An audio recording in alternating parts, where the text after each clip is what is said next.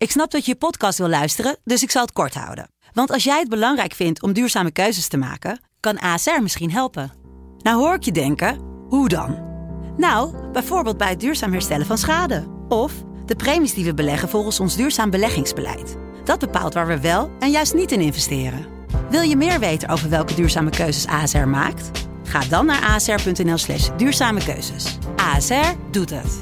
Zo, dan kan je nu lekker naar je podcast luisteren. Joost Klein is gonna represent the. Who the fuck is this guy? Joost Klein is een veelzijdig man.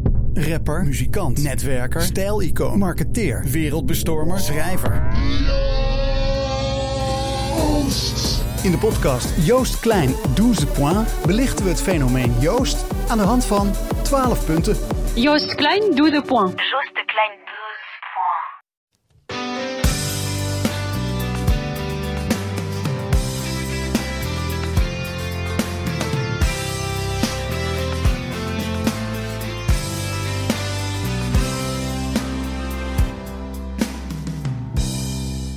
Fijn dat je weer luistert naar Omroep Abe, de voetbalpodcast over SC Heerenveen van de Leeuwardenkrant. Vanuit het Abelense stadion deze keer, want naast Jan Flap, de man die na twee afleveringen al behoort tot het meubilair van deze show, is aangeschoven technisch manager Ferry de Haan om terug te blikken op een aantal turbulente weken. Hoewel, Ferry, waren ze wel zo turbulent? Eh, nee, niet altijd. En zeker in de eindfase niet. Dus eh, wij hadden een, eh, een relaxed deadline day. Ehm, wat is voor jou nou het woord dat bij deze transferzomer past?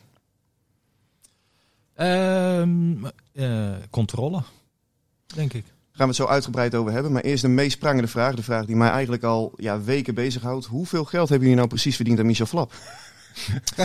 nou ja, wij, eh, wij kijken er naar uit dat hij nog een paar mooie stappen gaat maken. Dus Jan?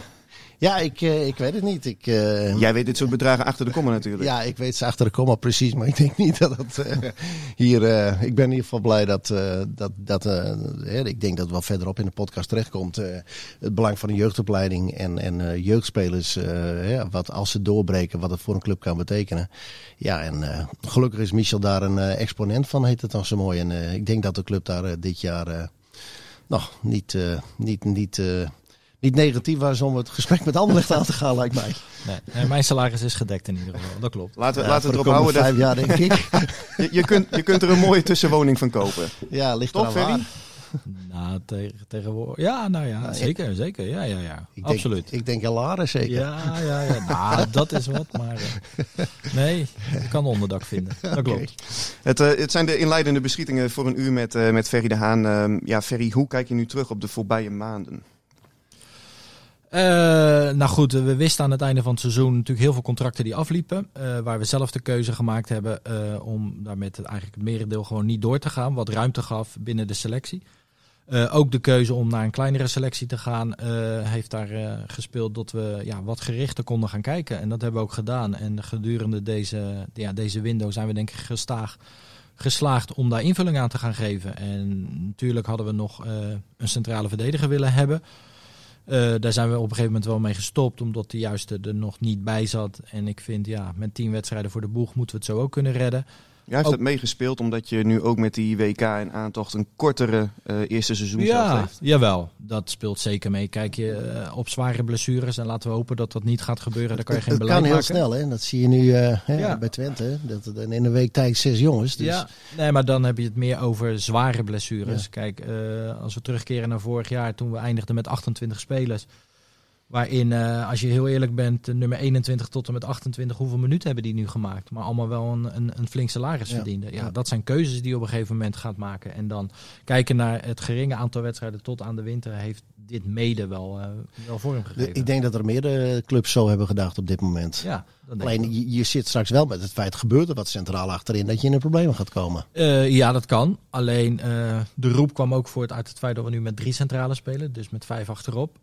Ja, dat is, aan dat vanuit de trainer gekomen of vanuit jullie zelf als beleid? Met vijf achterop? Ja? Dat is van de trainer gekomen. Oké. Ja, ja, ja, natuurlijk. We zijn gewoon de eerste week begonnen met, eh met vier achterin. Ja. Klopt. En eh, ja, al snel werd gekeken, oké, ook omdat we zo geëindigd zijn en daar best succes mee gehad hebben, eh, wilde hij dat weer vormgeven. En als je dan kijkt naar de selectie die er toen eh, bij stond, ja, was dat denk ik het, het beste. En daar is op voortgeborduurd. Maar daar hebben jullie ook op geborduurd met de, de, de, de buiten aan te halen. eh. Ja. Maar dat is een echte buiten. Alex Timothy doe je natuurlijk Ja, ook. ja, sorry. Ja. eh, ja, Nee, nee, nee, dat klopt. Daar, eh, goed, maar we is, weten... is dat dan goed of niet? Nou, kijk, het is onze taak om naar een selectie te kijken. Ja. En niet alleen naar een elftal. Ja. Eh, er kunnen ook dingen gaan veranderen. Ik bedoel, dat weten we ook niet. Ook gedurende een wedstrijd kunnen de dingen gaan veranderen. En dan moeten wij de tools aanleveren waar Ja. een staf mee aan de slag kan gaan. En, en Alex past daar gewoon wel in. En ik denk ook dat hij gewoon als een van de twee spitsen uit de voeten kan. Want eh, hij is bloedsnel. Is het eh, kwaliteit boven kwantiteit? Is dat een beetje het woord, Jan? eh, Ja, nou, ik, ik, ik denk als je heel bewust de trainer nu, ja, ze hebben eerst het begin natuurlijk met een vier man achterop en daarna met, met eh, ja, drie of vijf. Het is net Ja. wat je wil zeggen tegenwoordig, Ja. maar ja, dan moet je ook je spelers ervoor halen. En dan denk ik van, eh natuurlijk wil je omschakelen in de wedstrijd naar een drie spits systeem, hè. Dan zou ik een nieuwe linksbuiten moeten hebben. Dus, dus vandaar dat ik het niet helemaal begreep dat, dat daar bewust een, een eh, Timothy is gehaald. en een transfersom voor is betaald, toch, Ferry? Ja, klopt. Dat klopt. Maar gaat die jongen, ja, gaat hij gaat die veel spelen? Omdat er nu dus overduidelijk is gekozen voor dat 5-3-2 systeem. Of 3-5-2 zoals je wil. Ja, maar goed, we hebben hem een, eh, een vierjarig contract gegeven. Eh, dus het is niet zo dat we nu na drie weken al zeggen van, nou ja, dit werkt niet. Eh, het is een jonge, talentvolle jongen die zich ook moet ontwikkelen in een andere omgeving voor hem. Dus wij hebben daar gewoon vertrouwen in dat hij meer dan genoeg aan spelen gaat komen. Als we beginnen nu ook met de laatste aanwinst. Antoine Colassin van Anderlecht. Ehm, ja, is dit de aanvaller die voor meer variatie moet zorgen? Het is in ieder geval een, een aanvaller die inderdaad in de variatie dus eh, binnen de twee spitsen systeem, zoals die ook bij de, de B-kern van Anderlecht speelde, eh, maar ook daarachter eventueel nog uit de voeten kan, eh, kan gaan komen. Op Tuurlijk, 10. Ja, natuurlijk weten we dat we op dit moment met Sydney en Amin, hè, ja, daar hoeven we niet moeilijk over te doen. Ik ga er niet vanuit dat die zondag op de bank zitten. Dat is het koningskoppel, toch? Dus, dus dat weten we. Maar Antoine heeft kwaliteiten, alleen dat moet wel tot wasdom gaan komen. En ja, dat is eh, de kans die hij hier krijgt. Want jullie wilden eerst een spits kopen ook. Waarom is dat niet gelukt?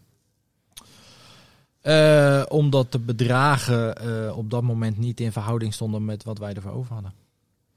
Jan?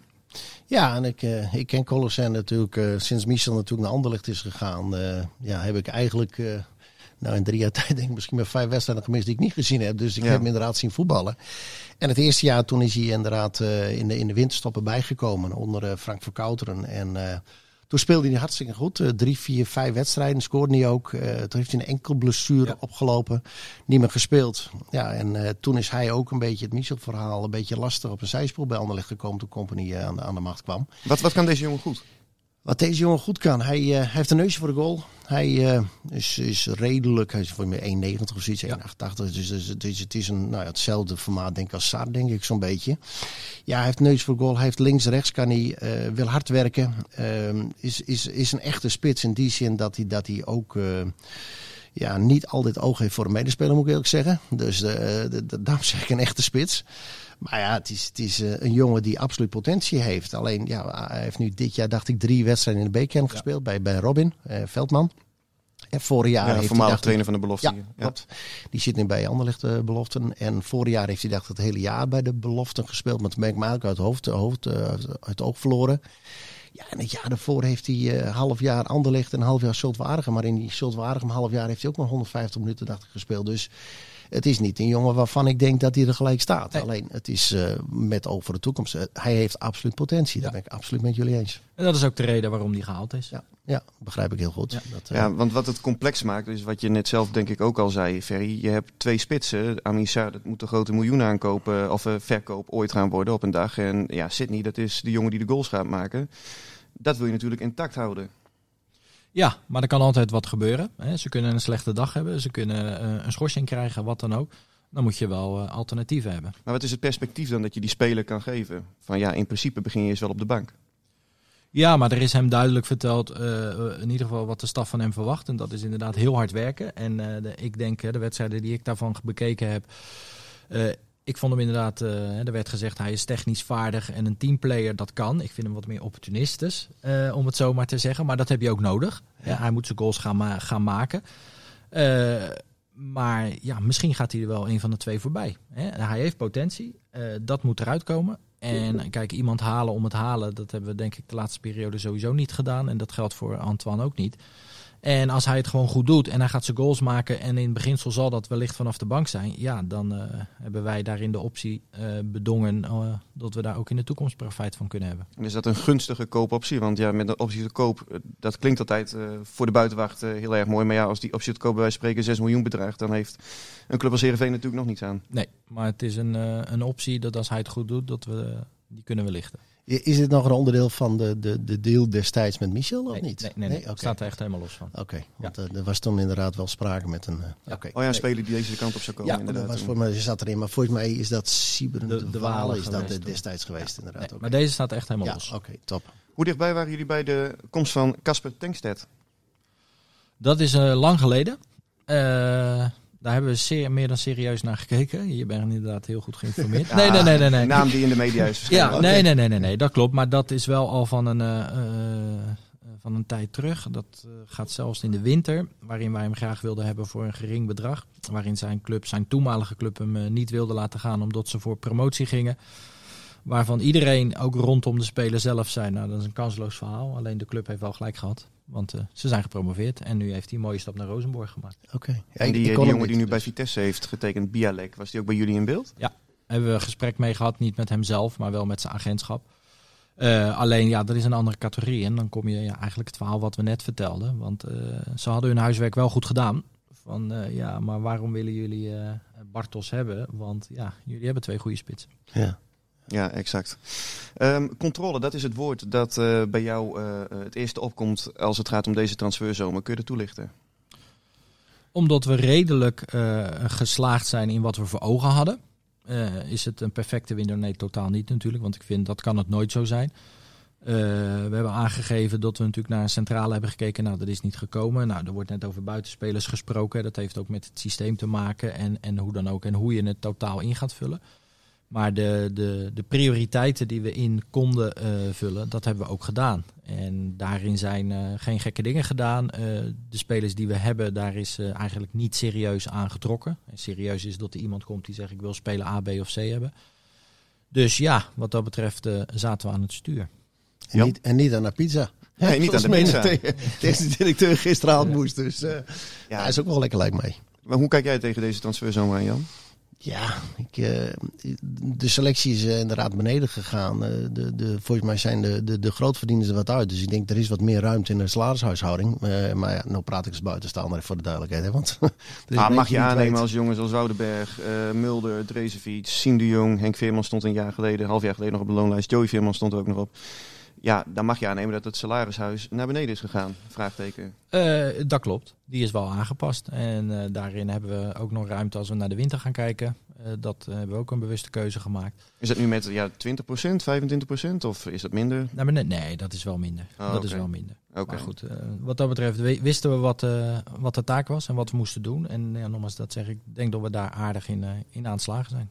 Er, er is nog ruimte om wat te doen in de winter, zei je. Ja, kun je toelichten?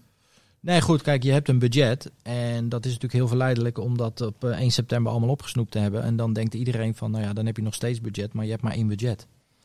En als je dat nu opmaakt, ja, dan zit je in de winter naar boven kijken, te kijken of je moet eh, eh, zelf je waarde gaan creëren. En dat is ook nog een optie hoor. Eh, Ik bedoel, er komt nu een winterwindow aan en eh, daarin kan ook van alles gaan gebeuren. Maar eh, er is wel wat ruimte om, eh, om nog wat te gaan doen. En dat, eh, ja, dat is niet eh, eh, onoverkomelijk, maar het is wel wat te doen. En daar ligt de prioriteit denk ik ook centraal achterin om daar nog wat te gaan doen. Nou, zoals we er nu naar kijken, eh, zou het onze voorkeur hebben dat we gelijk ook weer, zoals we afgelopen winter ook gedaan hebben, dan wel gelijk voor de lange termijn. Maar dat is prachtig om te zeggen. Dat moet allemaal nog maar blijken. Maar dat is wel eh, het uitgangspunt om te gaan doen. Ik denk, ik denk inderdaad ook de stand van de ranglijst en alles meespeelt. Ja. Nou, wil ik wezen. Het Ja. is, eh, ja, gaat het slecht? eh, hoeveel punten pak je? Eh, de plotseling als het slecht gaat, dan komen er krachten vrij en ook meestal geld vrij. Ja, dat is de, hè, vond je me ook naar Johnny, toen Johnny eruit ging. Een week later of twee weken later waren er vijf nieuwe spelers. Maar Nee, dat is niet helemaal waar. hij is een beetje gechargeerd. Nee, misschien, maar ook niet met dat geld. Want Nee. dat, is, eh, dat komt naar buiten. Maar dat, dat is echt totaal onwaar. Oké, oké. Want, Nee, maar het, het, hoe het wel? is wel heel belangrijk natuurlijk. Hoe zat het wel dan? Nou, dat iedere speler die gekomen is in de winter, die was bekend. Exact. Dus dan is het, eh, zeg jij, eh, gewoon ja, lullig tussen aanhalingstekens het moment waarop hij er is uitgegaan. Want als hij was gebleven, dan was een jongen zoals Amisa wel gekomen, zeg je? Als eh, Johnny was gebleven, waren exact dezelfde spelers gekomen. Alright. Oké.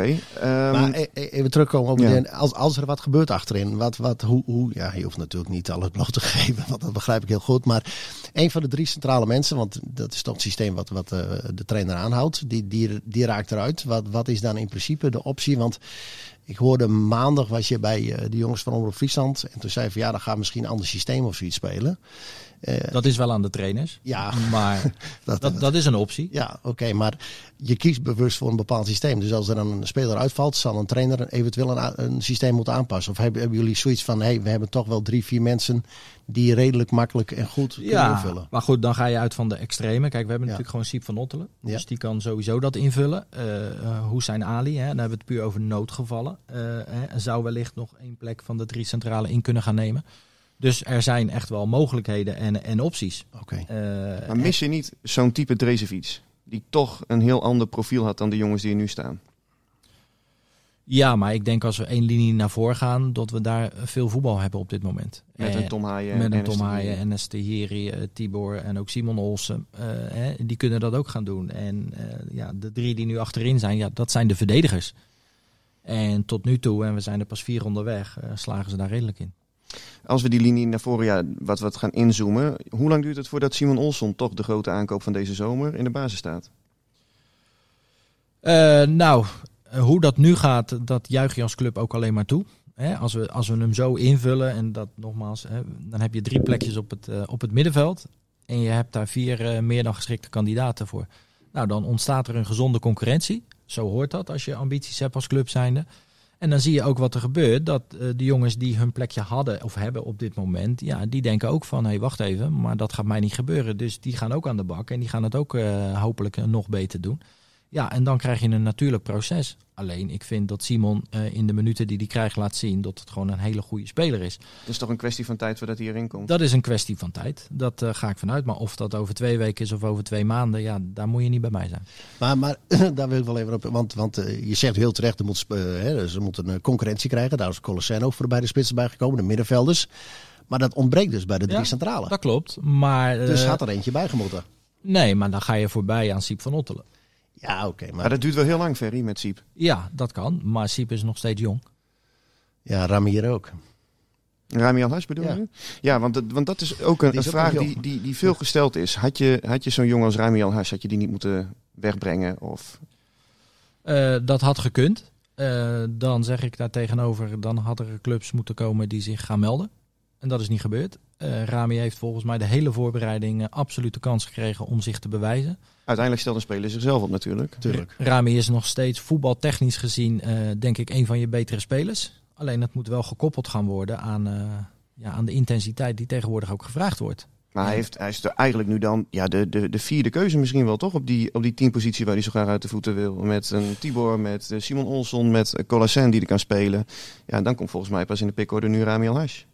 Eh, ja, dat, dat zou heel goed kunnen. Maar Rami heeft de hele voorbereiding als een van de twee eh voorin gespeeld. En dan gaan we weer, hè, als je van systeem gaat of moet veranderen. En je hebt met Tipo- Timossi een echte buitenspeler. En je zou het aan de linkerkant op een andere manier in willen vullen. Ja, dan, eh, dan komt Rami ineens weer bovendrijven. Hebben jullie deze periode ook gedacht eh, om... Twee tellers dan, Ja. want zijn contract loopt wel af. Zijn contract loopt af, dat Ja. klopt. Dus, dus, dus eigenlijk loopt hij misschien eind van het jaar contra- transfervrij de deur uit. Dat is, eh, dat is een mogelijkheid. Oké. Nou ja, dat zijn, eh, het zijn afwegingen. Ja. Dus eh, vandaar Ja. dat, eh, nou ja, over, over geld creëren en dat soort dingen. Dus vandaar dat, ja, Ja. bedoel, als je, je gaat hem niet verhuren als hij in het laatste contractjaar zit. Dan ga je eerst het contract verlengen en dan ga je verhuren. Dus als hij niet verhuurd wordt, ja, dan is er een bepaald besluit over die jongen genomen, lijkt mij. Nu nog niet, maar die gaat wel komen Ja, deze periode. Oké. Hebben, hebben jullie ook aan gedacht om Tibor Halilovic, want ja, je zegt ook, er zijn geen clubs geweest, maar om ja, zelf de boer op te gaan, om hem aan te bieden bij andere clubs. Omdat, zoals je zegt, het is een kwestie van tijd voordat Simon Olsson die basisplaats gaat krijgen. Ja, dan is hij denk ik als eerste het kind van de rekening in die middelste linie. Ook gezien de contractduur die hij nog heeft. Ja, je bent net een trainer aan het worden, Sander. Ja, maar ik, eh, Godverdorie. het- het- ja, ja. Maar ik heb, ik, moet je nagaan, twee afleveringen met jou. Ja, ik, eh, nou, ik denk niet dat het door mij komt. Maar, eh, nee, netjes. Nee, maar goed, eh, zelf de boer op gaan eh, als club zijn, dan weet ik niet of dat goed voor de portemonnee is. Natuurlijk ben je met de agent ook in gesprek en die gaat ook vragen stellen. En dan, dan komt gewoon wel het antwoord, ja, als daar concrete interesse is, dan moet de club zich melden en dan gaan we daar eh, mee om de tafel. Nou ja, en dat is niet gebeurd. Het verbaast mij enigszins dat er helemaal geen interesse is geweest voor spelers van Heerenveen, Jan. Jou niet? Na zo'n tweede seizoen zelf, waarin je toch een eh, knappe reeks hebt neergezet.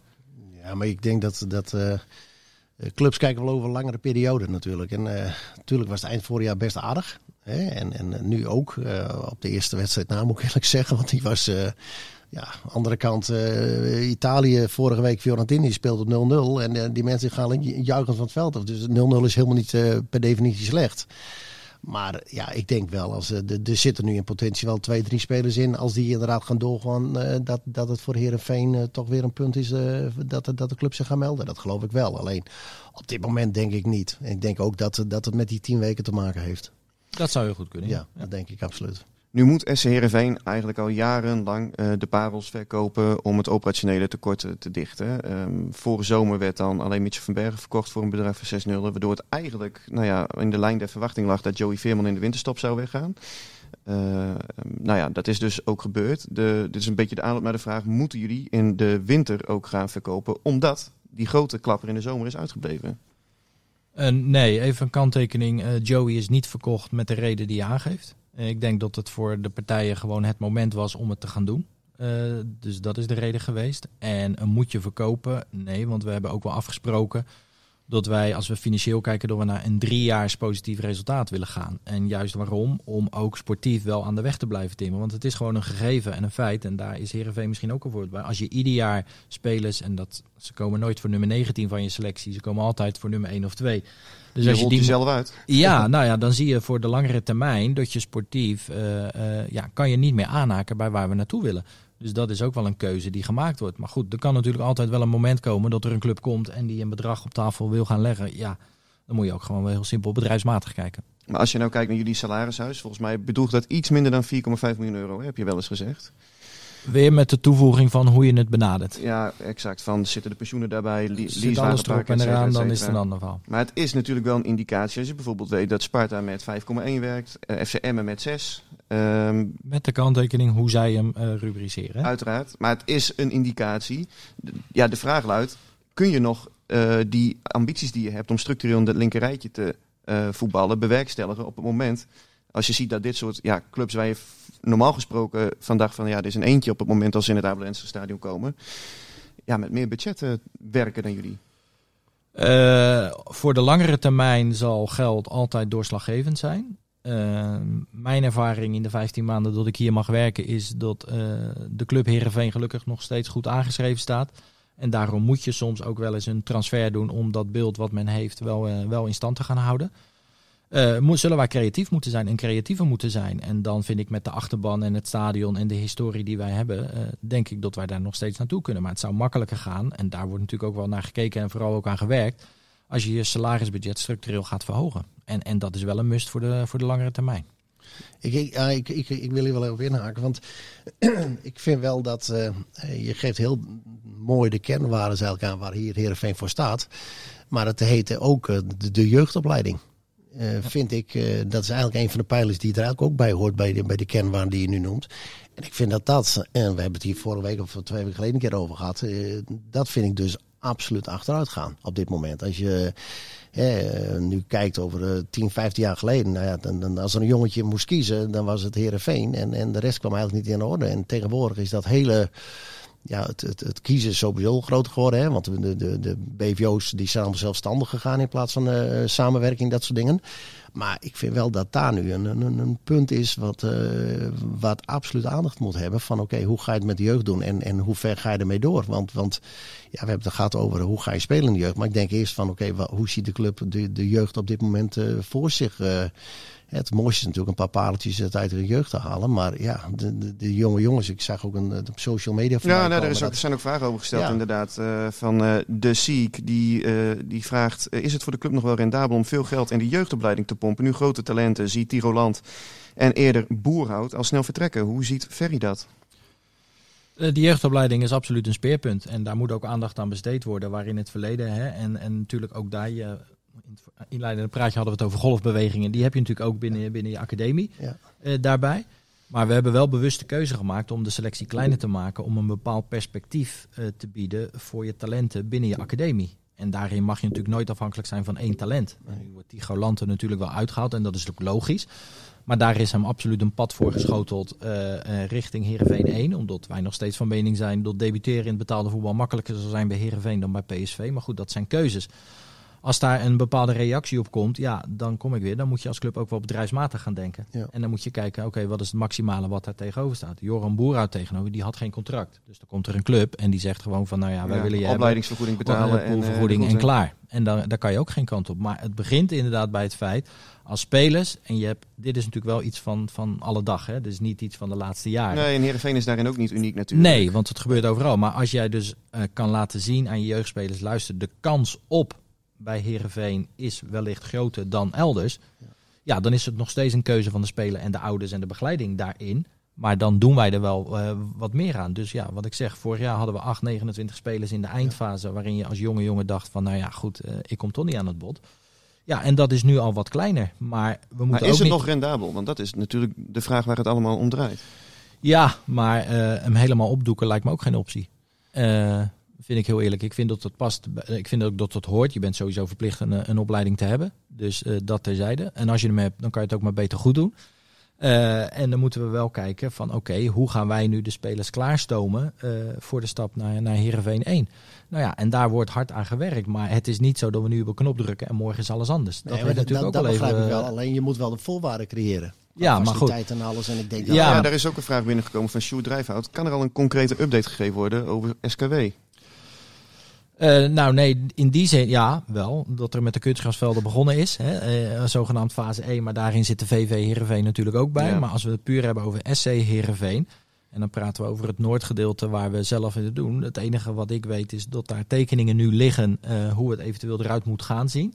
En dat we daar drukdoende zijn en ook met de gemeente in contact zijn... om dat wel vorm te gaan geven en ook funding daarvoor te gaan, te gaan realiseren. Eh, een datum plakken van, joh, we zijn zover, het bestemmingsplan, omgevingsvergunning en dergelijke, dat is nog te vroeg. Maar voor waar, zover ik erover kan oordelen in, de- in deze periode, eh, weet ik wel dat er gas opgegeven wordt. Oké, ik denk dat het heel belangrijk is. Zeker, noodzakelijk gewoon. Ja, je moet mensen wat bieden. Zeker kinderen en eh, jonge spelers, die moet je wel een omgeving bieden waar, waar ze in kunnen, kunnen opgroeien richting de eerste helft. Wat je, wat je We zijn natuurlijk als club gewoon wel ingehaald. Ja, door heel dat veel vind clubs. ik ook. Ja, en, eh, Ja, zeker als je ziet dat FC Groningen, die hebben natuurlijk een eh, state-of-the-art complex neergezet met Corpus. Eh, Ja, bij Cambuur hebben ze de... Ja, bij Ja, Corpus, ja, precies. Eh, bij Cambuur hebben ze om- op een andere manier de jeugdopleiding. eh, door middel volgens mij veel meer pedagogische trainers. Trainers met een, met een eh, onderwijskundige achtergrond bijvoorbeeld ook. eh, om, om op die manier eh, een stap te maken. Iedereen is onderscheidend. Ik bedoel, Heerenveen was onderscheidend met Jalling van den Berg natuurlijk. Dus ik bedoel, iedereen doet op zijn eigen manier. Alleen, je moet wel de voorwaarden creëren. En ik denk dat daar eh, absoluut de afgelopen jaren, hè, misschien wel tientallen jaren, eh, achter is gebleven. En dat, eh, dat, ik denk dat daar een stap in moet worden gemaakt. Ah, ja, zonder twijfel. Ehm, nu was Timo Klomp onlangs vertrokken bij de club. Wat is het? ehm, ja, privéredenen werden daarin eh, genoemd. Ja, kun je er iets over vertellen? Nee, omdat het privé is. Maar vanuit het perspectief van de club dan? Hoe jullie er tegenaan hebben gekeken? Ik ga niet vragen wat, nou ja, wat de privéredenen zijn. Ja, gewoon. Dat, dat- natuurlijk jammer. Zowel voor ons, maar ook voor teamen. eh, daarbij. Hè. We hebben hem niet voor niks eh, eh, teruggehaald. Eh, hij stond er zelf eh, om te trappelen en stond er eh, voor open. Had er ook heel veel zin in. Nou ja, en uiteindelijk is Teamen tot de conclusie gekomen ja, dat dat op dit moment nog niet echt aan de orde was. En dat is vervelend, maar vooral voor Teamen zelf. Maar dat is niet iets tussen club en Teamen. Nee, nou heb ik gehoord eh, toen hij werd aangesteld van ja, hij heeft op privégebied een, laten we zeggen, turbulente tijd gehad. En er zijn mensen geweest die hebben mij ook gezegd van nou, de club zal hem heel goed moeten gaan begeleiden, moeten gaan helpen, want anders dan is die binnen drie weken weer weg. En dat is gebeurd. Dus mijn vraag is, hebben jullie als club hem begeleid, geholpen, zodat hij eh, zich hier ja, senang voelt? Ja, maar eh, de uitleg, eh, kijk, ik snap welke kant er gedacht wordt. Maar als een, in dit geval een, een, team zelf aangeeft van ja, ik, ik zie het gewoon anders op dit moment voor mezelf. En geen verwijt naar de club, eh, we hebben het niet goed gedaan of wat dan ook. Ja, dan is dat heel vervelend, maar moeten we dat respecteren. En zullen wij zeker in contact met teamen blijven om eh, daarin te kijken of we hem wellicht eh, eh, kunnen ondersteunen op dit moment. Want ja, het is voor hem wel heel vervelend. Zou hij bijvoorbeeld iets anders kunnen gaan doen bij, voor de club als het gaat om, om scoutingswerkzaamheden? Nou ja, eh, daar, maar daar zullen we naar moeten gaan kijken. Daar zullen we naar Ze moeten gaan dan kijken. voorzitter trouwens, heb ik begrepen. Ja, heb. ook Dus- dat nog, ja. ja. Nou, misschien liggen er ambities. Nou, dat is, een mooi, niet. dat is een mooi bruggetje trouwens. Zou jij eh, algemeen directeur willen worden? Nou, deze had ik niet aan zien komen. Nee, maar goed. Ik, ik ook niet trouwens. Oké. nee, dat is niet aan mij. Om daar wat eh, over te zeggen en te vinden. Ik bedoel, eh, die benoeming die, eh, die gebeurt ergens anders. Ja, maar je zegt ook niet per definitie nee. Omdat je zegt van... Nee, goh, maar goed, ik, kijk, ik, ik snap- op mijn ik- plek als technisch deel. Jawel, maar eh, ik kom bij een club vandaan waar ik het negen jaar gedaan heb. Eh, dus eh, ja, snap ik dat de link gelegd wordt. En, en snap ik... Nee, ja. Ja, nee, ik, ik wist niet dat deze kant op zou gaan. Dus Nee, vandaar even. eh, dus, dus dat is het. En, en welke kant dat op gaat, ja, dan, dat is niet aan mij. Een vraag van eh, Roy Geerlings. Eh, gaan jullie ook in gesprek om contract open te breken van de huidige basisspelers zoals Bogniewicz, Van Ewijk, Halilovic? Of mag Halilovic in de winter vertrekken omdat Olsen staat eh, te popelen? Nou ja, dat laatste hebben we eigenlijk al besproken, maar laten we ons dan vooral richten op Bogniewicz, Van Ewijk. Nou, Milan heeft in de winter sowieso nog 2,5 jaar voor de boeg. Mhm. Heeft ook een bepaalde ambitie, dus dat is ook alleen maar goed, eh, denk ik. Eh, als het aan En ons goed, en goed voor de club. En goed voor de club. Dus eh, om daar nu al over na te denken, dat, dat is wat vroeg. En met Pavel dan hebben we gewoon aangegeven... oké, we willen hem ook de tijd geven en gunnen om te kijken... hoe hij herstelt van zijn, zijn blessure. Nou, en dan moeten we ook kijken of dat nog voor de toekomst... en ook financieel gezien of dat mogelijk is. Maar daar gaan we over in gesprek. Op korte termijn? Of? Op korte termijn. Friesland Boppen, staan er nog transfervrije spelers op de lijstjes die eventueel later nog zouden kunnen komen? Ik denk bijvoorbeeld aan een Nick Bakker die vorig jaar ik, na ik de hoorde gisteren, eh, wie was dat? Eh, Mitchell Dijks eh, in één keer nog. Maar die heeft al een club, las ik. Ja, net. hij had een dat mondeling is niet. Heerenveen, hoor. Nee. Hij had een mondeling akkoord, dus eh, iedereen zit te speculeren. Maar die heeft inderdaad ook een contract bij Bologna was afgekocht. Dus eh, maar ja, dat soort spelers die zullen misschien nog wel rondlopen hier en daar. Kijken jullie daarna? Eh, niet concreet. Tuurlijk kijken we ernaar en houden we het in de gaten. Maar het is niet zo dat wij nu met, eh, met iemand in gesprek zijn. Hij kan niet centraal achterin, dacht ik. Hè? Eh, nee. Eh Jort Meijer kan Ferry verklaren waarom de club eerst inzette op een huur van middenvelder Fiorini. eh, en uiteindelijk bij een forse investering Olson uitkwam. Dachten jullie dat Olson eerst financieel onhaalbaar was? Eh, nee, we hebben het net over de spitsen gehad. En je gaat naar je budgetten kijken om daarin te gaan, te gaan besteden. Eh, dus Fiorini was inderdaad een, eh, een, een huurspeler, zou dat zijn. Waardoor je je budget op andere plekken zou je kunnen inzetten. Eh, nou, dat is niet gelukt, omdat hij op het laatste moment eh, binnen Engeland wilde blijven. Eh, ja, toen zijn wel panelen gaan verschuiven. En is Simon ons eh, ook boven water gekomen en bleek die eh, voor ons haalbaar. Dus zijn de, de posities gaan schuiven. Eh, He- hebben jullie ook, eh, wat ik las bij Cambuur, die hebben een zwarte lijst opgesteld met de spelersmakelaars. Hebben jullie dat ook of niet? Nee, nee, nee. nee. Nee, werd gisteren ook gevraagd, maar Ook- oh, dat weet ik niet. ja, natuurlijk heb je agenten die, Ja, eh, waar je prettiger mee waar je werkt prettiger dan mee samenwerkt, ja of nee. Maar eh, het is niet zo dat wij eh, voor iemand de deur dicht houden nu. Nee, oké, want nou, sommigen die nemen een hele begeleiding natuurlijk. Nou, daar weet je ja, alles van. ja, Dat is nee, echt, nee, nee, eh, ja, soms verbaas je erover hoe dingen gaan, dat ja, klopt. Maar ja. ja. we hebben elkaar nodig en het is ook aan jezelf als club zijnde hoe je daarmee omgaat. Ik denk dat dat heel belangrijk is, van hoe ga je er zelf mee om. Ja. En waarom zijn transfers zoals een eh, Fiorini en eh, Lado... eh, volgens mij waren jullie met beide jongens al vrij ver, toch? Waarom zijn die dan in de slotfase toch nog afgeketst? Nou, Fiorini net uitgelegd. Ja.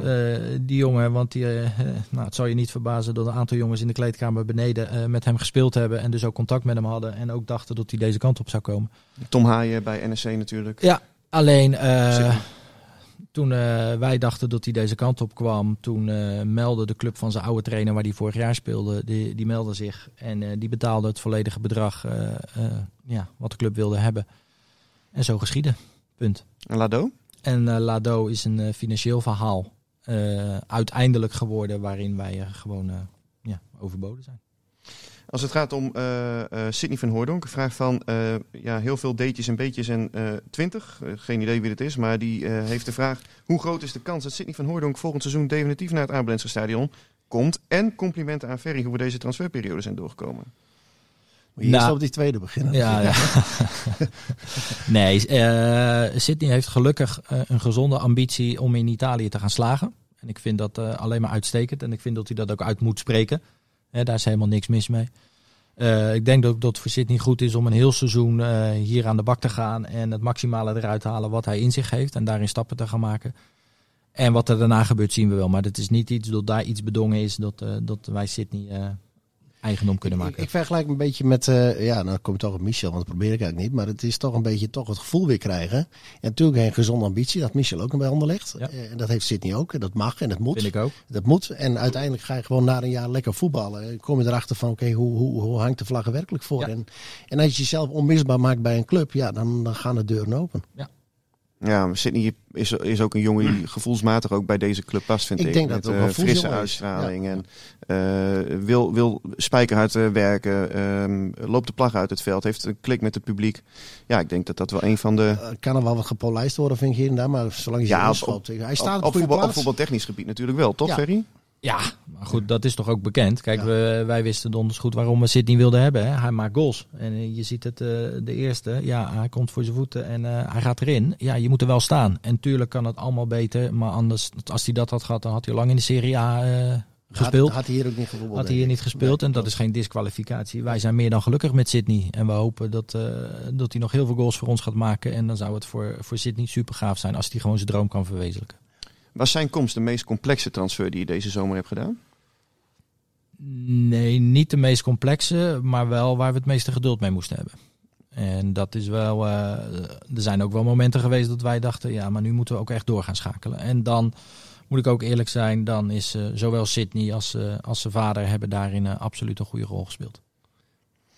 En, en, en eh, met Andries, hoe is dat eh, gegaan? Eh, waren jullie heel vroeg er al bij? Om, want jullie wisten natuurlijk, jullie waren vrij lang met Erwin Mulder, dacht ik, voordat hij duidelijkheid had. Nou, nee, we hebben met Erwin aan- aangegeven dat we op dat moment, op het moment dat de contracten opgezegd moesten worden, hè, dat we ook om ons heen zouden gaan kijken. Dat is ook gebeurd. En Andries is in die periode pas boven water gekomen, serieus boven water Ja. gekomen. Natuurlijk was hij bekend, natuurlijk eh, heeft hij een verleden met Kees van Wonderen bij, eh, bij Go Ahead Eagles, die daar wat van gezegd heeft. Maar wij als club, en dan laat ik Kees eh, er gewoon eventjes buiten zijn op een later stadium met Andries in gesprek gekomen. En ja, natuurlijk wisten wij dat hij graag naar Heerenveen wilde. Dat ga ik ook niet ontkennen. Maar het is niet zo, zoals gesuggereerd werd, dat het al lang beklonken was. Want dat is niet zo. Nee. Maar hij is in een later stadium, dat is denk ik dan april, zeg ik even uit mijn hoofd, eh, zijn er gesprekken, heb ik met, eh, met Ruud Hes eh, de gesprekken met Andries gehad. Kwaliteit boven kwantiteit, dat is een term die is gevallen. Zou je ook kunnen zeggen, mentaliteit boven creativiteit? Dat jullie daar heel sterk op hebben geselecteerd, zeker gescout? Ja. ja, omdat het tegenwoordig daar ook begint. En als we verder naar de toekomst kijken, zullen we daar de juiste balans in moeten gaan vinden. Eh, hè, want eh, ook bij deze club, hè, als we het over DNA hebben, daar past ook wel een, eh, een artiest daarbij. Hebben jullie die voldoende in de selectie, vind jij? Artiesten. Niet te veel, alsjeblieft. Nee, nee, maar eh, kijk, wat, Jij bent wat, meer van het Stormoen uh, ah, nee, ik bedoel, je hebt wel eentje nodig. Maar als je te veel hebt, dat, dat, dat werkt ook niet positief. Nee. Dat moet een goede balans in Daar moet je de balans in zien Ja. te vinden. En tuurlijk, hè, je kan Amin Zar als een artiest beschouwen. Eh, Rami Alhards kan voetbaltechnisch een artiest zijn. Dan, dan moeten ze wel spelen. Nou, Als hij er nog is. Ja. Simon Olsen hè, heeft al laten zien dat hij eh, heel veel dingen met een bal kan. Maar eh, ja, is misschien in, in dit geval eh, Milan van Ewijk en Sven van Beek de artiest voor ons. Hè, gezien de connectie met, eh, met het publiek. Maar als, je, als ik het over een artiest heb, dan heb je iemand die gewoon technisch vaardig is. En die uit het niets iets kan. En, En, en, eh, en Ijuka. ja. Dat is Zo'n eentje. En, en daar moet je de juiste balans. Maar ja, we hebben gekeken naar, eh, naar mentaliteit. Jongens die graag willen, die echt alles erover hebben om eh, zichzelf te ontwikkelen. Heerenveen naar een hoger plan eh, te brengen. En dan is het, is het niet zo erg als zij dan ook weer een mooie stap maken. En in hoeverre is die balans nu voldoende aanwezig, vind jij? Nou, als we kritisch zijn, dan denk ik dat we een, een echte artiest missen. Jan? Ja, ja, een echte Ja, jij bent niet van de artiesten.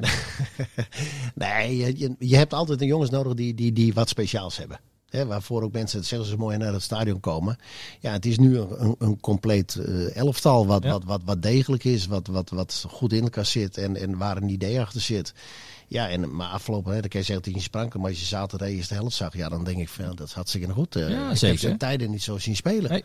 Ja, en als je dan eh, op netvlies houdt de eerste thuiswedstrijd, dan denk je van, goh, wat zit er een verschil in? En natuurlijk heeft het met tegenstander te maken, met hoe ver ben je in je voorbereiding. Eh, alles heeft ermee te maken, begrijp ik heel goed. Maar ik vond zaterdag vond ik het echt goed. Nee, dat klopt. Eh, het verschil met de eerste wedstrijd, hè, dat was niet de meest spectaculaire wedstrijd. Eh, het verschil zat natuurlijk wel in de offensieve zin. Hè? Eh, tegen Fortuna konden we echt alles op tafel leggen en lieten we alles zien. En gaven we niks weg. Maar we moeten ook niet vergeten tegen Sparta.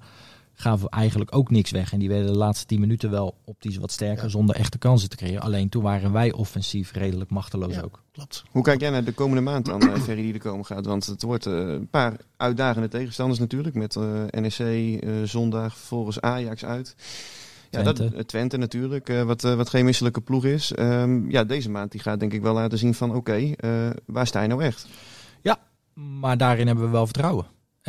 Ik bedoel, één zwaluw maakt geen zomer. Maar als we de wedstrijd Feyenoord uitpakken, dan blijkt gewoon... Ja, ze vinden het ook niet zo leuk om tegen ons te spelen.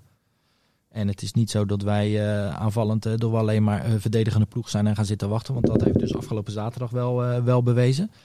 Maar het vertrouwen, en dat is natuurlijk in de sport en met name ook in het voetbal en in een teamsport wel aanwezig. Ja, ik denk dat iedereen wel vertrouwen heeft dat we een basis hebben waar we op terug kunnen vallen. Als, als club en als team zijnde.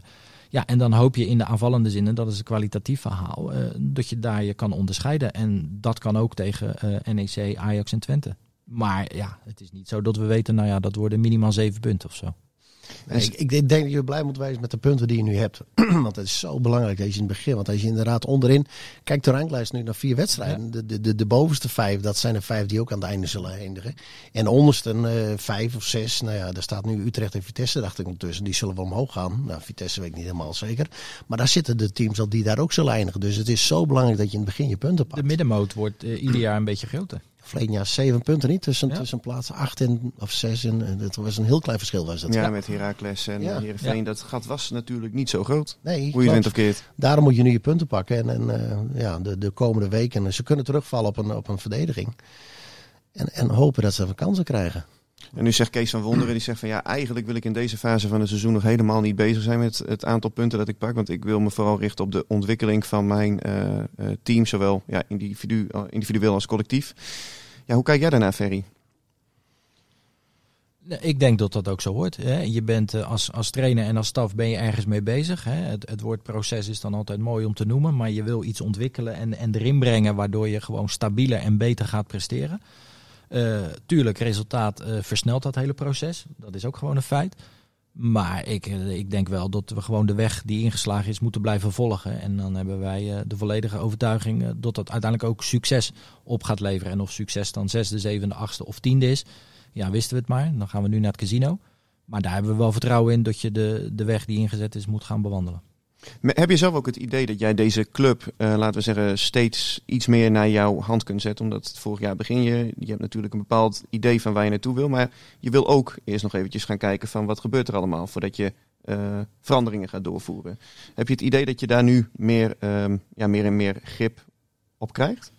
Nou, het, eh, dat wordt natuurlijk vaak gezegd, naar je hand zetten. Ik doe het niet alleen. Eh, we zijn nadrukkelijk met technische staf, maar ook vooral met scouting daarin aan het kijken. En dan is het belangrijk dat je daar continu met elkaar over in gesprek blijft. Van oké, wat is nu het beste voor de club? En of ik dan keuze A of de scouting keuze B, of de technische staf vindt keuze C, dat is niet zo belangrijk. Je doet het met elkaar en je moet met elkaar in gesprek blijven. Nou, je noemt net al een aantal dingen, hè, geselecteerd op, eh, op, op mentaliteit. Nou ja, dat is iets waar we absoluut voor gekozen hebben. We willen spelers hebben die iedere dag laten zien dat ze heel graag voor Heerenveen willen spelen. Nou, dat is al stap 1.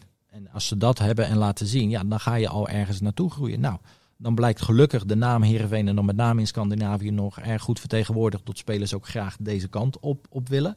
Nou, en dan is er nu een nieuwe staf samengesteld met Kees en die Paul dan meegenomen heeft. Eh, die ook weer een andere dynamiek en energie met zich meebrengen. Waarin je wel gewoon ziet dat alles daaromheen eh ja, sluit zich daarbij aan. Ja, en als je dan een beetje geluk hebt, of, of misschien is het geen geluk, in resultaat. Dat succesbeleving doet wonderen.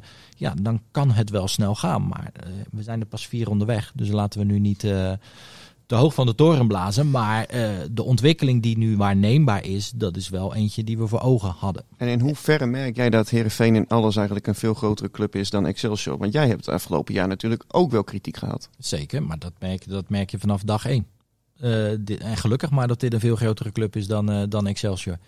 Dus ja, dat zie je gewoon. En dan weet je dat er dingen bij horen ja, die niet altijd even leuk zijn. Maar ja, als je daar niet mee om kan gaan of wil gaan, ja, dan had ik niet deze kant op moeten komen. Nou ja, kijk, ik heb natuurlijk ook wel eens een verhaal geschreven waar je niet eh, tevreden mee eh, eh, was, of in ieder geval niet blij mee was. Ik waardeer het wel dat we in ieder geval op professionele basis dit soort gesprekken met elkaar kunnen voeren. Maar als het gaat om het ja, communicatieve verhaal, want dat was vorig jaar ook een van de verhalen met betrekking tot de jeugdopleiding. Ehm, dat, dat dat vanuit nou ja, jou en ook hoofdopleiding Marcel van Buren wel eens tekortschoot. Ehm, wat is er sindsdien veranderd? Nog los van de poppetjes die op bepaalde posities zijn veranderd, maar ook van jou richting het beleid naar die voetbalafdeling toe.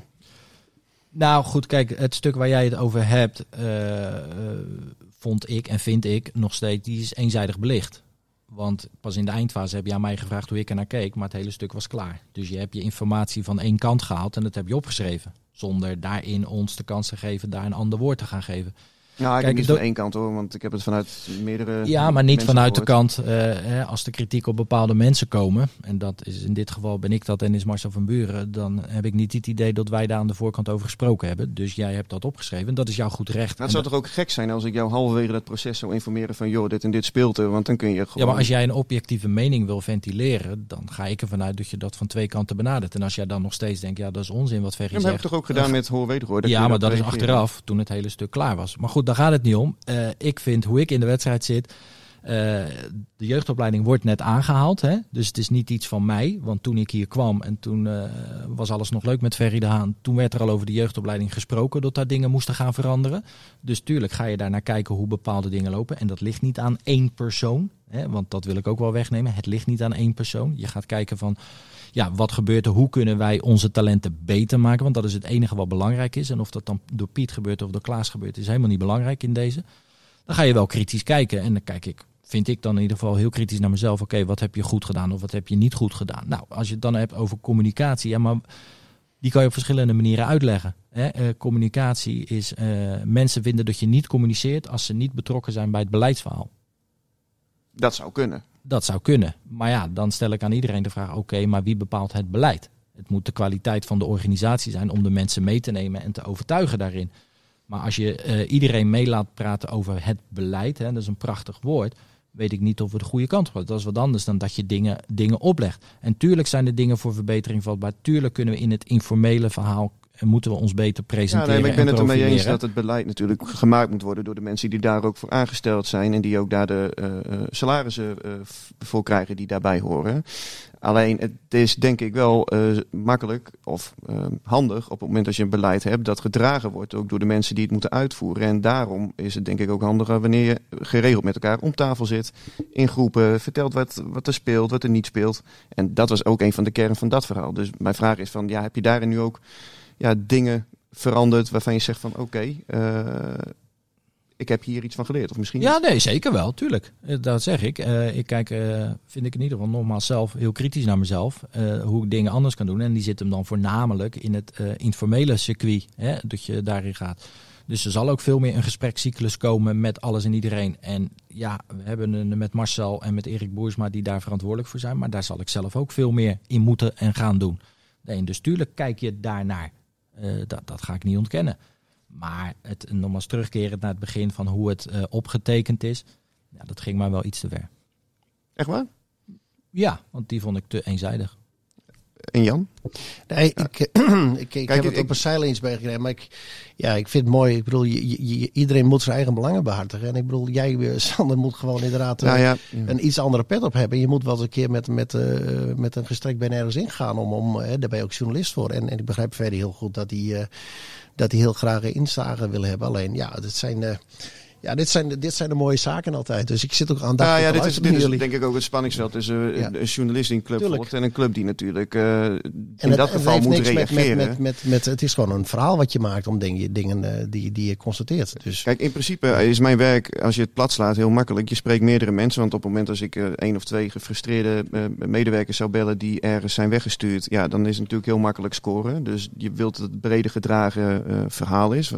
En dan ga ik niet een andere kant op kijken om mezelf makkelijker te maken. En het zou gek zijn, denk ik, als ik dan halverwege zo'n proces, om ook maar een eh, voetbalterm te gebruiken, eh, ja, bij jullie aan de bel trek van, hey, joh, weet even dat dit, dat dit en dit speelt. Want dan gaat er natuurlijk Nee, ook... maar eh, dat vind ik ander, wat je nu zegt. Dat vind ik wat anders. Maar je kan wel zeggen, joh, ik hoor dit en dat. Wat is jouw verhaal? En dan kan jij nog steeds concluderen, nou dat is complete onzin wat hij zegt. Dat vind ik wat anders dan dat jij het hele verhaal optekent, het eenzijdig belicht en dan zodra het de staat vragen, ja wat vinden jullie er eigenlijk van? Dat vind ik een ander verhaal. Jij, jij, maar dan, dan, dan gaat, ook dan gaat de journalist interfereren in een Nee. proces. Nee, want jij, ik heb toen ook gezegd, ik heb geen invloed en dat wil ik ook helemaal niet op wat jij opschrijft. Dat moet je ook vooral blijven doen. En volgens Moet mij. moet je het niet willen. Nee, maar volgens mij gaan wij eh, op een bepaalde manier met elkaar om. Eh, eh, volgens mij praten we nog steeds met elkaar. Zeker, En, dat is geen vanzelfsprekendheid. nou, die is slecht van mij dan, maar oké. Dat is een verkeerde voorzet. Maar we praten nog steeds met elkaar. En, en ik heb ook gezegd, dat is jouw job.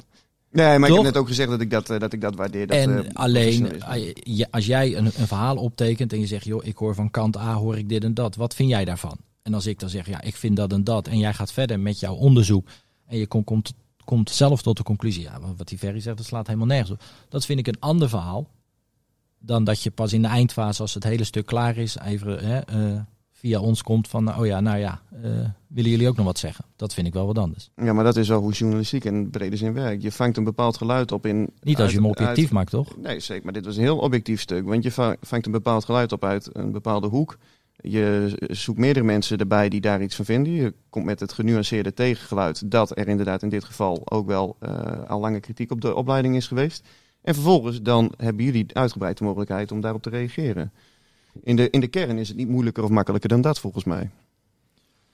Nee, maar eh, in dit specifieke stuk, en nogmaals, eh, laten we inderdaad ook niet vergeten, Nee. er was al wat langer gemor over eh, het functioneren in totaliteit. En dat is niet van één jaar geleden of twee jaar geleden. Hè. Eh, de, de, de, stroom aan talenten. En dat, nogmaals, dat zijn ook gewoon golfbewegingen. eh, die, die bleven achterwege. Nou, de vragen die gesteld zijn, hoe loont het nog wel om te gaan investeren? Waar ligt dan het probleem? Ja, die zou je dan wel met elkaar beet moeten gaan pakken. Dan gaat het ook, hoe ga je daarin opleiden met elkaar? Welke mensen wil je daarbij? Doen die alles goed? Nee, verre van. Hebben de mensen alles goed gedaan? Nee, ook verre van. Alleen, eh, ja, jij hoort geluiden. En nogmaals, die zal je ook blijven horen. Dat is geen enkel probleem. Eh, maar de andere kant heb jij eh, wel belicht. Maar die kwamen even in een, in een zogenaamde siteletter even erbij gepropt. Want als daar van onze kant uit eh, niet gevraagd werd van... joh, misschien moeten we even bellen... dan was dat ook niet in de krant gekomen, toch? Nee, Maar- maar- ik heb het verhaal van tevoren naar jullie toegestuurd. En ben erbij gezegd, jullie hebben uitgebreid de mogelijkheid om daarop te reageren. Ja. Maar goed, ja, weet je. Maar goed, het dat is maakt de- niet uit. Een, pool, pool ja. van, pool van Jolijt, eh, Jan, de ik, voel me, ik voel me Eh, volledig buitengesloten op dit moment. Dus, eh, ik, Jan, ik heb wel een vraag over, vertel. over het beleid. Want eh, is er een bepaald beleidsplan over, over, over eh, opleiden, eh, spelsysteem? Eh, hebben trainers, jeugdtrainers een opzet gekregen wat ze moeten? Eh, hoe, hoe zit dat? Omdat nou, Ja. het, het eerste is natuurlijk nu in een heel ander systeem Klopt. gegaan.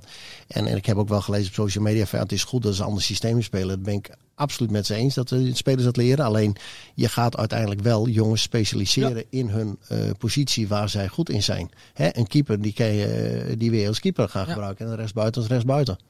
Het eerste wat ik, eh, als we het dan toch over de opleiding hebben, zei vorig jaar. Hè, en daar had men ook al een mening over. Dus die wil ik dan toch nog wel even zo lullig erin droppen.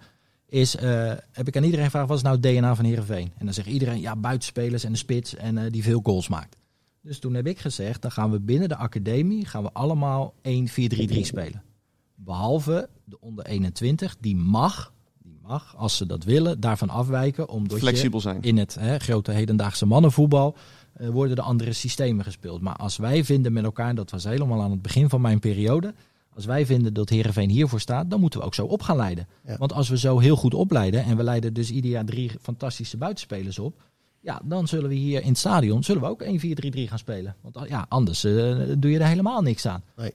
En dat verbaast mij dan wel, dat als je dat dan zegt, hè, dan hebben we het over DNA, en dan lopen bepaalde dingen niet, ja, dan wordt daar weer anders op gereageerd. En dat is een beetje wel mijn frustratie. Hoe bedoel je anders geregeld? Nou ja, het stuk waar we het net een tijd over hadden, Oh, hè, dat speelt natuurlijk allemaal alleen. En is er dan een bepaald beleid? Ja, en die is uiteindelijk ook uitgeschreven. Daar vond men ook wat van. Hè, van de manier van trainen. Hoe willen we trainen? In welke leeftijdscategorie willen we bepaalde facetten gaan benadrukken? En uiteindelijk gaat het wel om hoe wordt het uitgevoerd en hoe wordt het gecontroleerd, om het zo maar te zeggen. Want daar Ja, gaat het ik, ik denk uiteindelijk dat er altijd de uitvoering een van de belangrijkste dingen is. En daar heb je goede trainers voor nodig. Hè, want je kan een, een, een voetballer, die wordt door trainingen en eh, trainers wordt die beter. Ja, Dus, dus dat, dat is denk ik een van de belangrijkste Het ligt vooral ook aan, aan de speler en het talent zelf. Hè? Eh, weer, hoe ver is het talent bereid te investeren in zijn, in zijn eigen carrière? Ja. Maar tuurlijk, eh, wij moeten als club wel daarin faciliteren dat we de, het talent wel achter zijn reet aan blijven zitten. Ja, en dan kom je op het punt van inderdaad het investeren in het hele verhaal. hè. Ja. Hoe faciliteer je ze? Ja. Ik denk dat dat, eh, nou ja, daar hebben we het over gehad, een, een heel belangrijk onderdeel gaat wezen. Want ik denk dat daar absoluut prioriteit aan moet worden gegeven. Ja. Dat is het ook. Jan, jij kijkt eigenlijk bijna alles, toch? Qua voetbal. Je hebt Oh. las, las ogen en eh, elke maandagochtend Ik van zie elke heel veel, wedstrijd ja, die je hebt ja, gekeken. Hoe ver kan dit SC Heerenveen komen dit seizoen?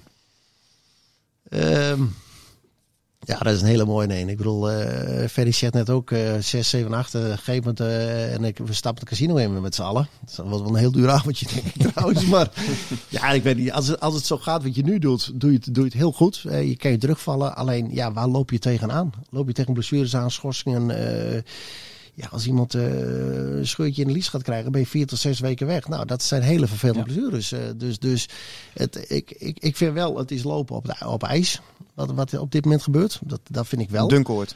Ja, een dun koortje. En daar is ook bewust voor gekozen, eh, vertelt Ferry nu met, met de selectie terugbrengen. Ja, als alles gezond blijft, ja, dan, dan kan het absoluut eh linker rijtje misschien wel iets omhoog. En ja, valt het tegen en, en de, de, de- het gaat verkeerd. En, en wie weet wat er allemaal kan gebeuren. Ja, eh, het verschil tussen plaats 6 en eh, plaats eh, 12 of 13, dat was 6 punten. Dus dat is het dunne koortje waar je op begeeft. Dus het kan ook de, negatieve kant uitvallen. Zo, Ja. zo reëel moet je wezen. Nee, maar dat is ook zo. Maar als je dus de laatste twee seizoenen bekijkt, even statistisch gezien, en je kijkt naar het aantal goals wat wij gemaakt hebben, Ja. dat duidt dan wel gelijk het, pro- het pro- grootste probleem aan. Wij hebben de laatste twee seizoenen helemaal niet zoveel goals gemaakt. Nou, dan moest ik in mijn geheugen teruggrijpen, maar ik geloof je gelijk. nee, nee, nee, hoor. maar Dus, dat eh, is ook zo. Eh, Wij hebben helemaal niet zoveel goals gemaakt. Dus vandaar dat je die lijn doortrok al gelijk de eerste Ja, nee, maar dat is kijk, we- daarvoor zei ik al, hè, eh, voordat de competitie begon had ik het met Kees Ja. erover van ja, nou ook wel benieuwd waar we staan nu. En Ja. dat, dat is nu nog veel te vroeg om dat echt te zeggen. En toen zeiden we wel van, ik denk wel dat we een ploeg zijn die heel lastig te verslaan zal zijn. Maar goed, in hoeverre gaan wij makkelijk goals maken? Hè, ik denk dat dat nog steeds de grootste vraag zal zijn. en creëren blijven. Het- van- Ja, dus kunnen wij, een, eh, hè, zoals afgelopen zaterdag, maar kunnen wij een stortvloed aan aanvallen op de mat leggen. Waarvan je weet, nou, je, je hebt er vijf en er gaan er altijd één of twee Ja. in. Ja, dat, daar willen we naartoe. Maar het is wel de vraag of we daar al zijn. Ja, nou ja, de goals is een van de belangrijkste dingen. Tegenhouden, dat, dat lukt meestal wel. Nee, maar eh, even heel simpel Ja, gezegd. Daar hoeven we niet, niet bij de hand over Nee, doen. Maar dat is, is wel de zo. vraag. En, Ja. en dat is het. En natuurlijk hebben we nu twee mensen voorin. En dus gelukkig nog een paar erachter die in ieder geval weten waar het doel staat. Dat, dat helpt wel mee. Maar ja, eh, als je kijkt naar vorig seizoen, hoeveel, hoeveel middenvelders een goal gemaakt hebben. Of hoeveel centrale verdedigers met een standaard situatie een goal gemaakt hebben. Nou ja, wil je echt een goede ploeg zijn, ja, dan moet dat aantal wel omhoog. Ja. Wat ga jij de komende dagen doen, eh, Ferry? Want eh, er zijn ook wel eens technisch managers die ik heb gesproken, eh, die met ja, wallen zo groot als afvalzakken onder de ogen kwamen de dag na de transferperiode. Bij jou valt dat alleszins mee. Maar wat ga jij nu de komende periode doen? Wat, wat Nou, de- werkzaamheden? Nou, de gekke situatie. Nou ja, een beetje lullig, maar heel veel aandacht aan de academie besteden, sowieso. Hey. Eh, sowieso. Nee, nee, nee. Maar eh, we hebben nu natuurlijk een situatie dat eh, de competitie stopt. Hè. Na Cambuur, eh 13 eh, stopt die. En dan ga ik op vakantie in november daarin. En eigenlijk gaat nu ja, de zoektocht voor de winter gaat alweer beginnen. Dus eigenlijk direct de dag daarna, na het sluiten van de zomerse eh, window, dan worden alweer de eerste lijntjes uitgeworpen Ja, naar agenten, naar spelers, naar clubs. Nou ja, vooral spelers bekijken. En, En en daar- nog één- één één dingetje, want je- het is natuurlijk heel raar dat in Nederland natuurlijk afgelopen nacht Ja. de, de, Dat is Hè? echt waanzinnig, ja. Het is eh, heel, maar het- een, heleboel gaan nu vanavond eh, op slot. Ja. Maar België is nog. 6 september. Ja, 6 september. Ja. En dan zit Turkije en Portugal Ja. daar ook weer achter. Ja. Maar ik heb gezien in, in, in de januari-window heb je dat ook weer. Ja. Zit er ook weer verschil Ja. in. Waarom is dat? Kunnen jullie dat niet eh één blok vormen? Hoe dat werkt zoiets? Ik vind het heel bijzonder. Nee, dat is ook zo. Maar dat is natuurlijk al iets van jaren waar altijd over gesproken wordt. Ja. En eh, dan is het in Nederland, hè, dan wil je het voortouw nemen. Maar dat ga je niet doen, want je wordt natuurlijk volledig overvleugeld door de grotere landen. Ja. Ja, en dat zal altijd wel weer een economisch verhaal zijn. Maar ja, daar is natuurlijk geen touw aan vast te knopen. Want als jij nu een speler in je selectie hebt met een gelimiteerde transfersom. Ja. En eh, het is nu eh, vijf over elf en, eh, en er belt iemand. Wij hebben ze niet hoor, dus geen zorgen. Maar, eh, en, en er zou iemand bellen, nou ik leg dat bedrag neer. Ja, dan kan je hoog en laag springen, maar je bent kansloos. ja, precies. Maar bij België is het bijvoorbeeld een, nog een extra dag, begreep ik, omdat die Belgen meer controle willen hebben op het eh, ja, juiste eh, proces. Hè, ook met de financiën volgens mij. Ja, maar het hè. is zes dat- dagen, hè? Het is Ja, ja, ja, ja, maar dat, maar dat ze dat dan eh, ja, dat ze dat dan beter kunnen controleren. Dat het allemaal in go- ja, goed, goede banen zeg maar, wordt geleid. Omdat er nou ja, nog wel eens wat schimmigheden waren met betrekking tot die financiën. Propere handen. Ja, ja, alleen ja, op het moment als je daar komt die deadline day ook nog een keer. Daar worden op die deadline day ook heus wel spelers eh, getransfereerd om half eh, twaalf. Ja, en dan heb je nog steeds maar een half uur tijd volgens mij, Ja, toch? Dus het het is- slaat helemaal nergens op. Ik, vind, ik vind het heel bijzonder dat dat eh, zo kan. Dat het niet een, een, een, eh, vanuit de FIFA gewoon een eh, vaste datum is. Ja, nee, maar ja, kijk, de wens en dat, nogmaals, dat wordt ook al jaren. Ja, laten we het gewoon voor de eerste, eerste competitieronde doen. Dat je Ja. weet hoe je allemaal gaat beginnen. Nou ja, goed, dat zal ook wel een reden hebben dat dat niet gaat gebeuren. Maar het is wel zo, eh, vaak en niet altijd, eh, ja, ga je een probleem voor een ander oplossen in de eindfase. En als dat dan een club is met veel meer middelen, ja, dan denk ik, ja, die zijn slecht begonnen aan het seizoen en die gaan bij jou een probleem creëren. Ja. Nogmaals, ze komen altijd voor je beste spelen. Klopt, klopt. We gaan afronden, mannen. Oké, Nou, hoor. als Ja, jij we vindt zijn, dat... we, zijn een, we zijn een uur aan het, aan het praten. Meen je niet? Ja, ja, niet te geloven. Sorry. Tijd vliegt, hè? waar denk jij dat Heerenveen gaat eindigen? Ja, dat is een goede neem. Mm. En nou niet als journalist, maar als supporter. Nou ja, kijk, normaal gesproken dacht ik altijd dat eh, de top 6 vaststond. Hè, met eh, de traditionele top 3 en daarachter Vitesse, Utrecht, eh, AZ. Nou ja, Twente is daar nu voor in de plaats gekomen. Ja, zit alles mee, word je zevende. Zit alles tegen, word je elfde. Ja. Denk ik. Denk ik. Toch? Ja, is dat even een reëel antwoord of niet, Jan? Ik vind het een, eh, ik vind dit een Zwitserland antwoord. Oh, je wil, je wil echt ook een plek eh, op de ranglijst wil je Ja, hebben? dit is ja, dan noem ik achtste. Ja. Kan mij schelen. ja, Ferry, je? plekje op de ranglijst? achtste. Jan? Elf. Gaan we bij je afsluiten. Ferry, hartelijk dank voor je tijd. Heel veel succes. Jan ook bedankt. Ik zie jou volgende week weer. Yes, thanks. Dit was Omroep Abe. De podcast over SC Heerenveen van de Leeuwarden Courant. Omroep Abe. Voor achtergronden, interviews en nieuws over SC Heerenveen. Abonneer je via jouw favoriete podcast app.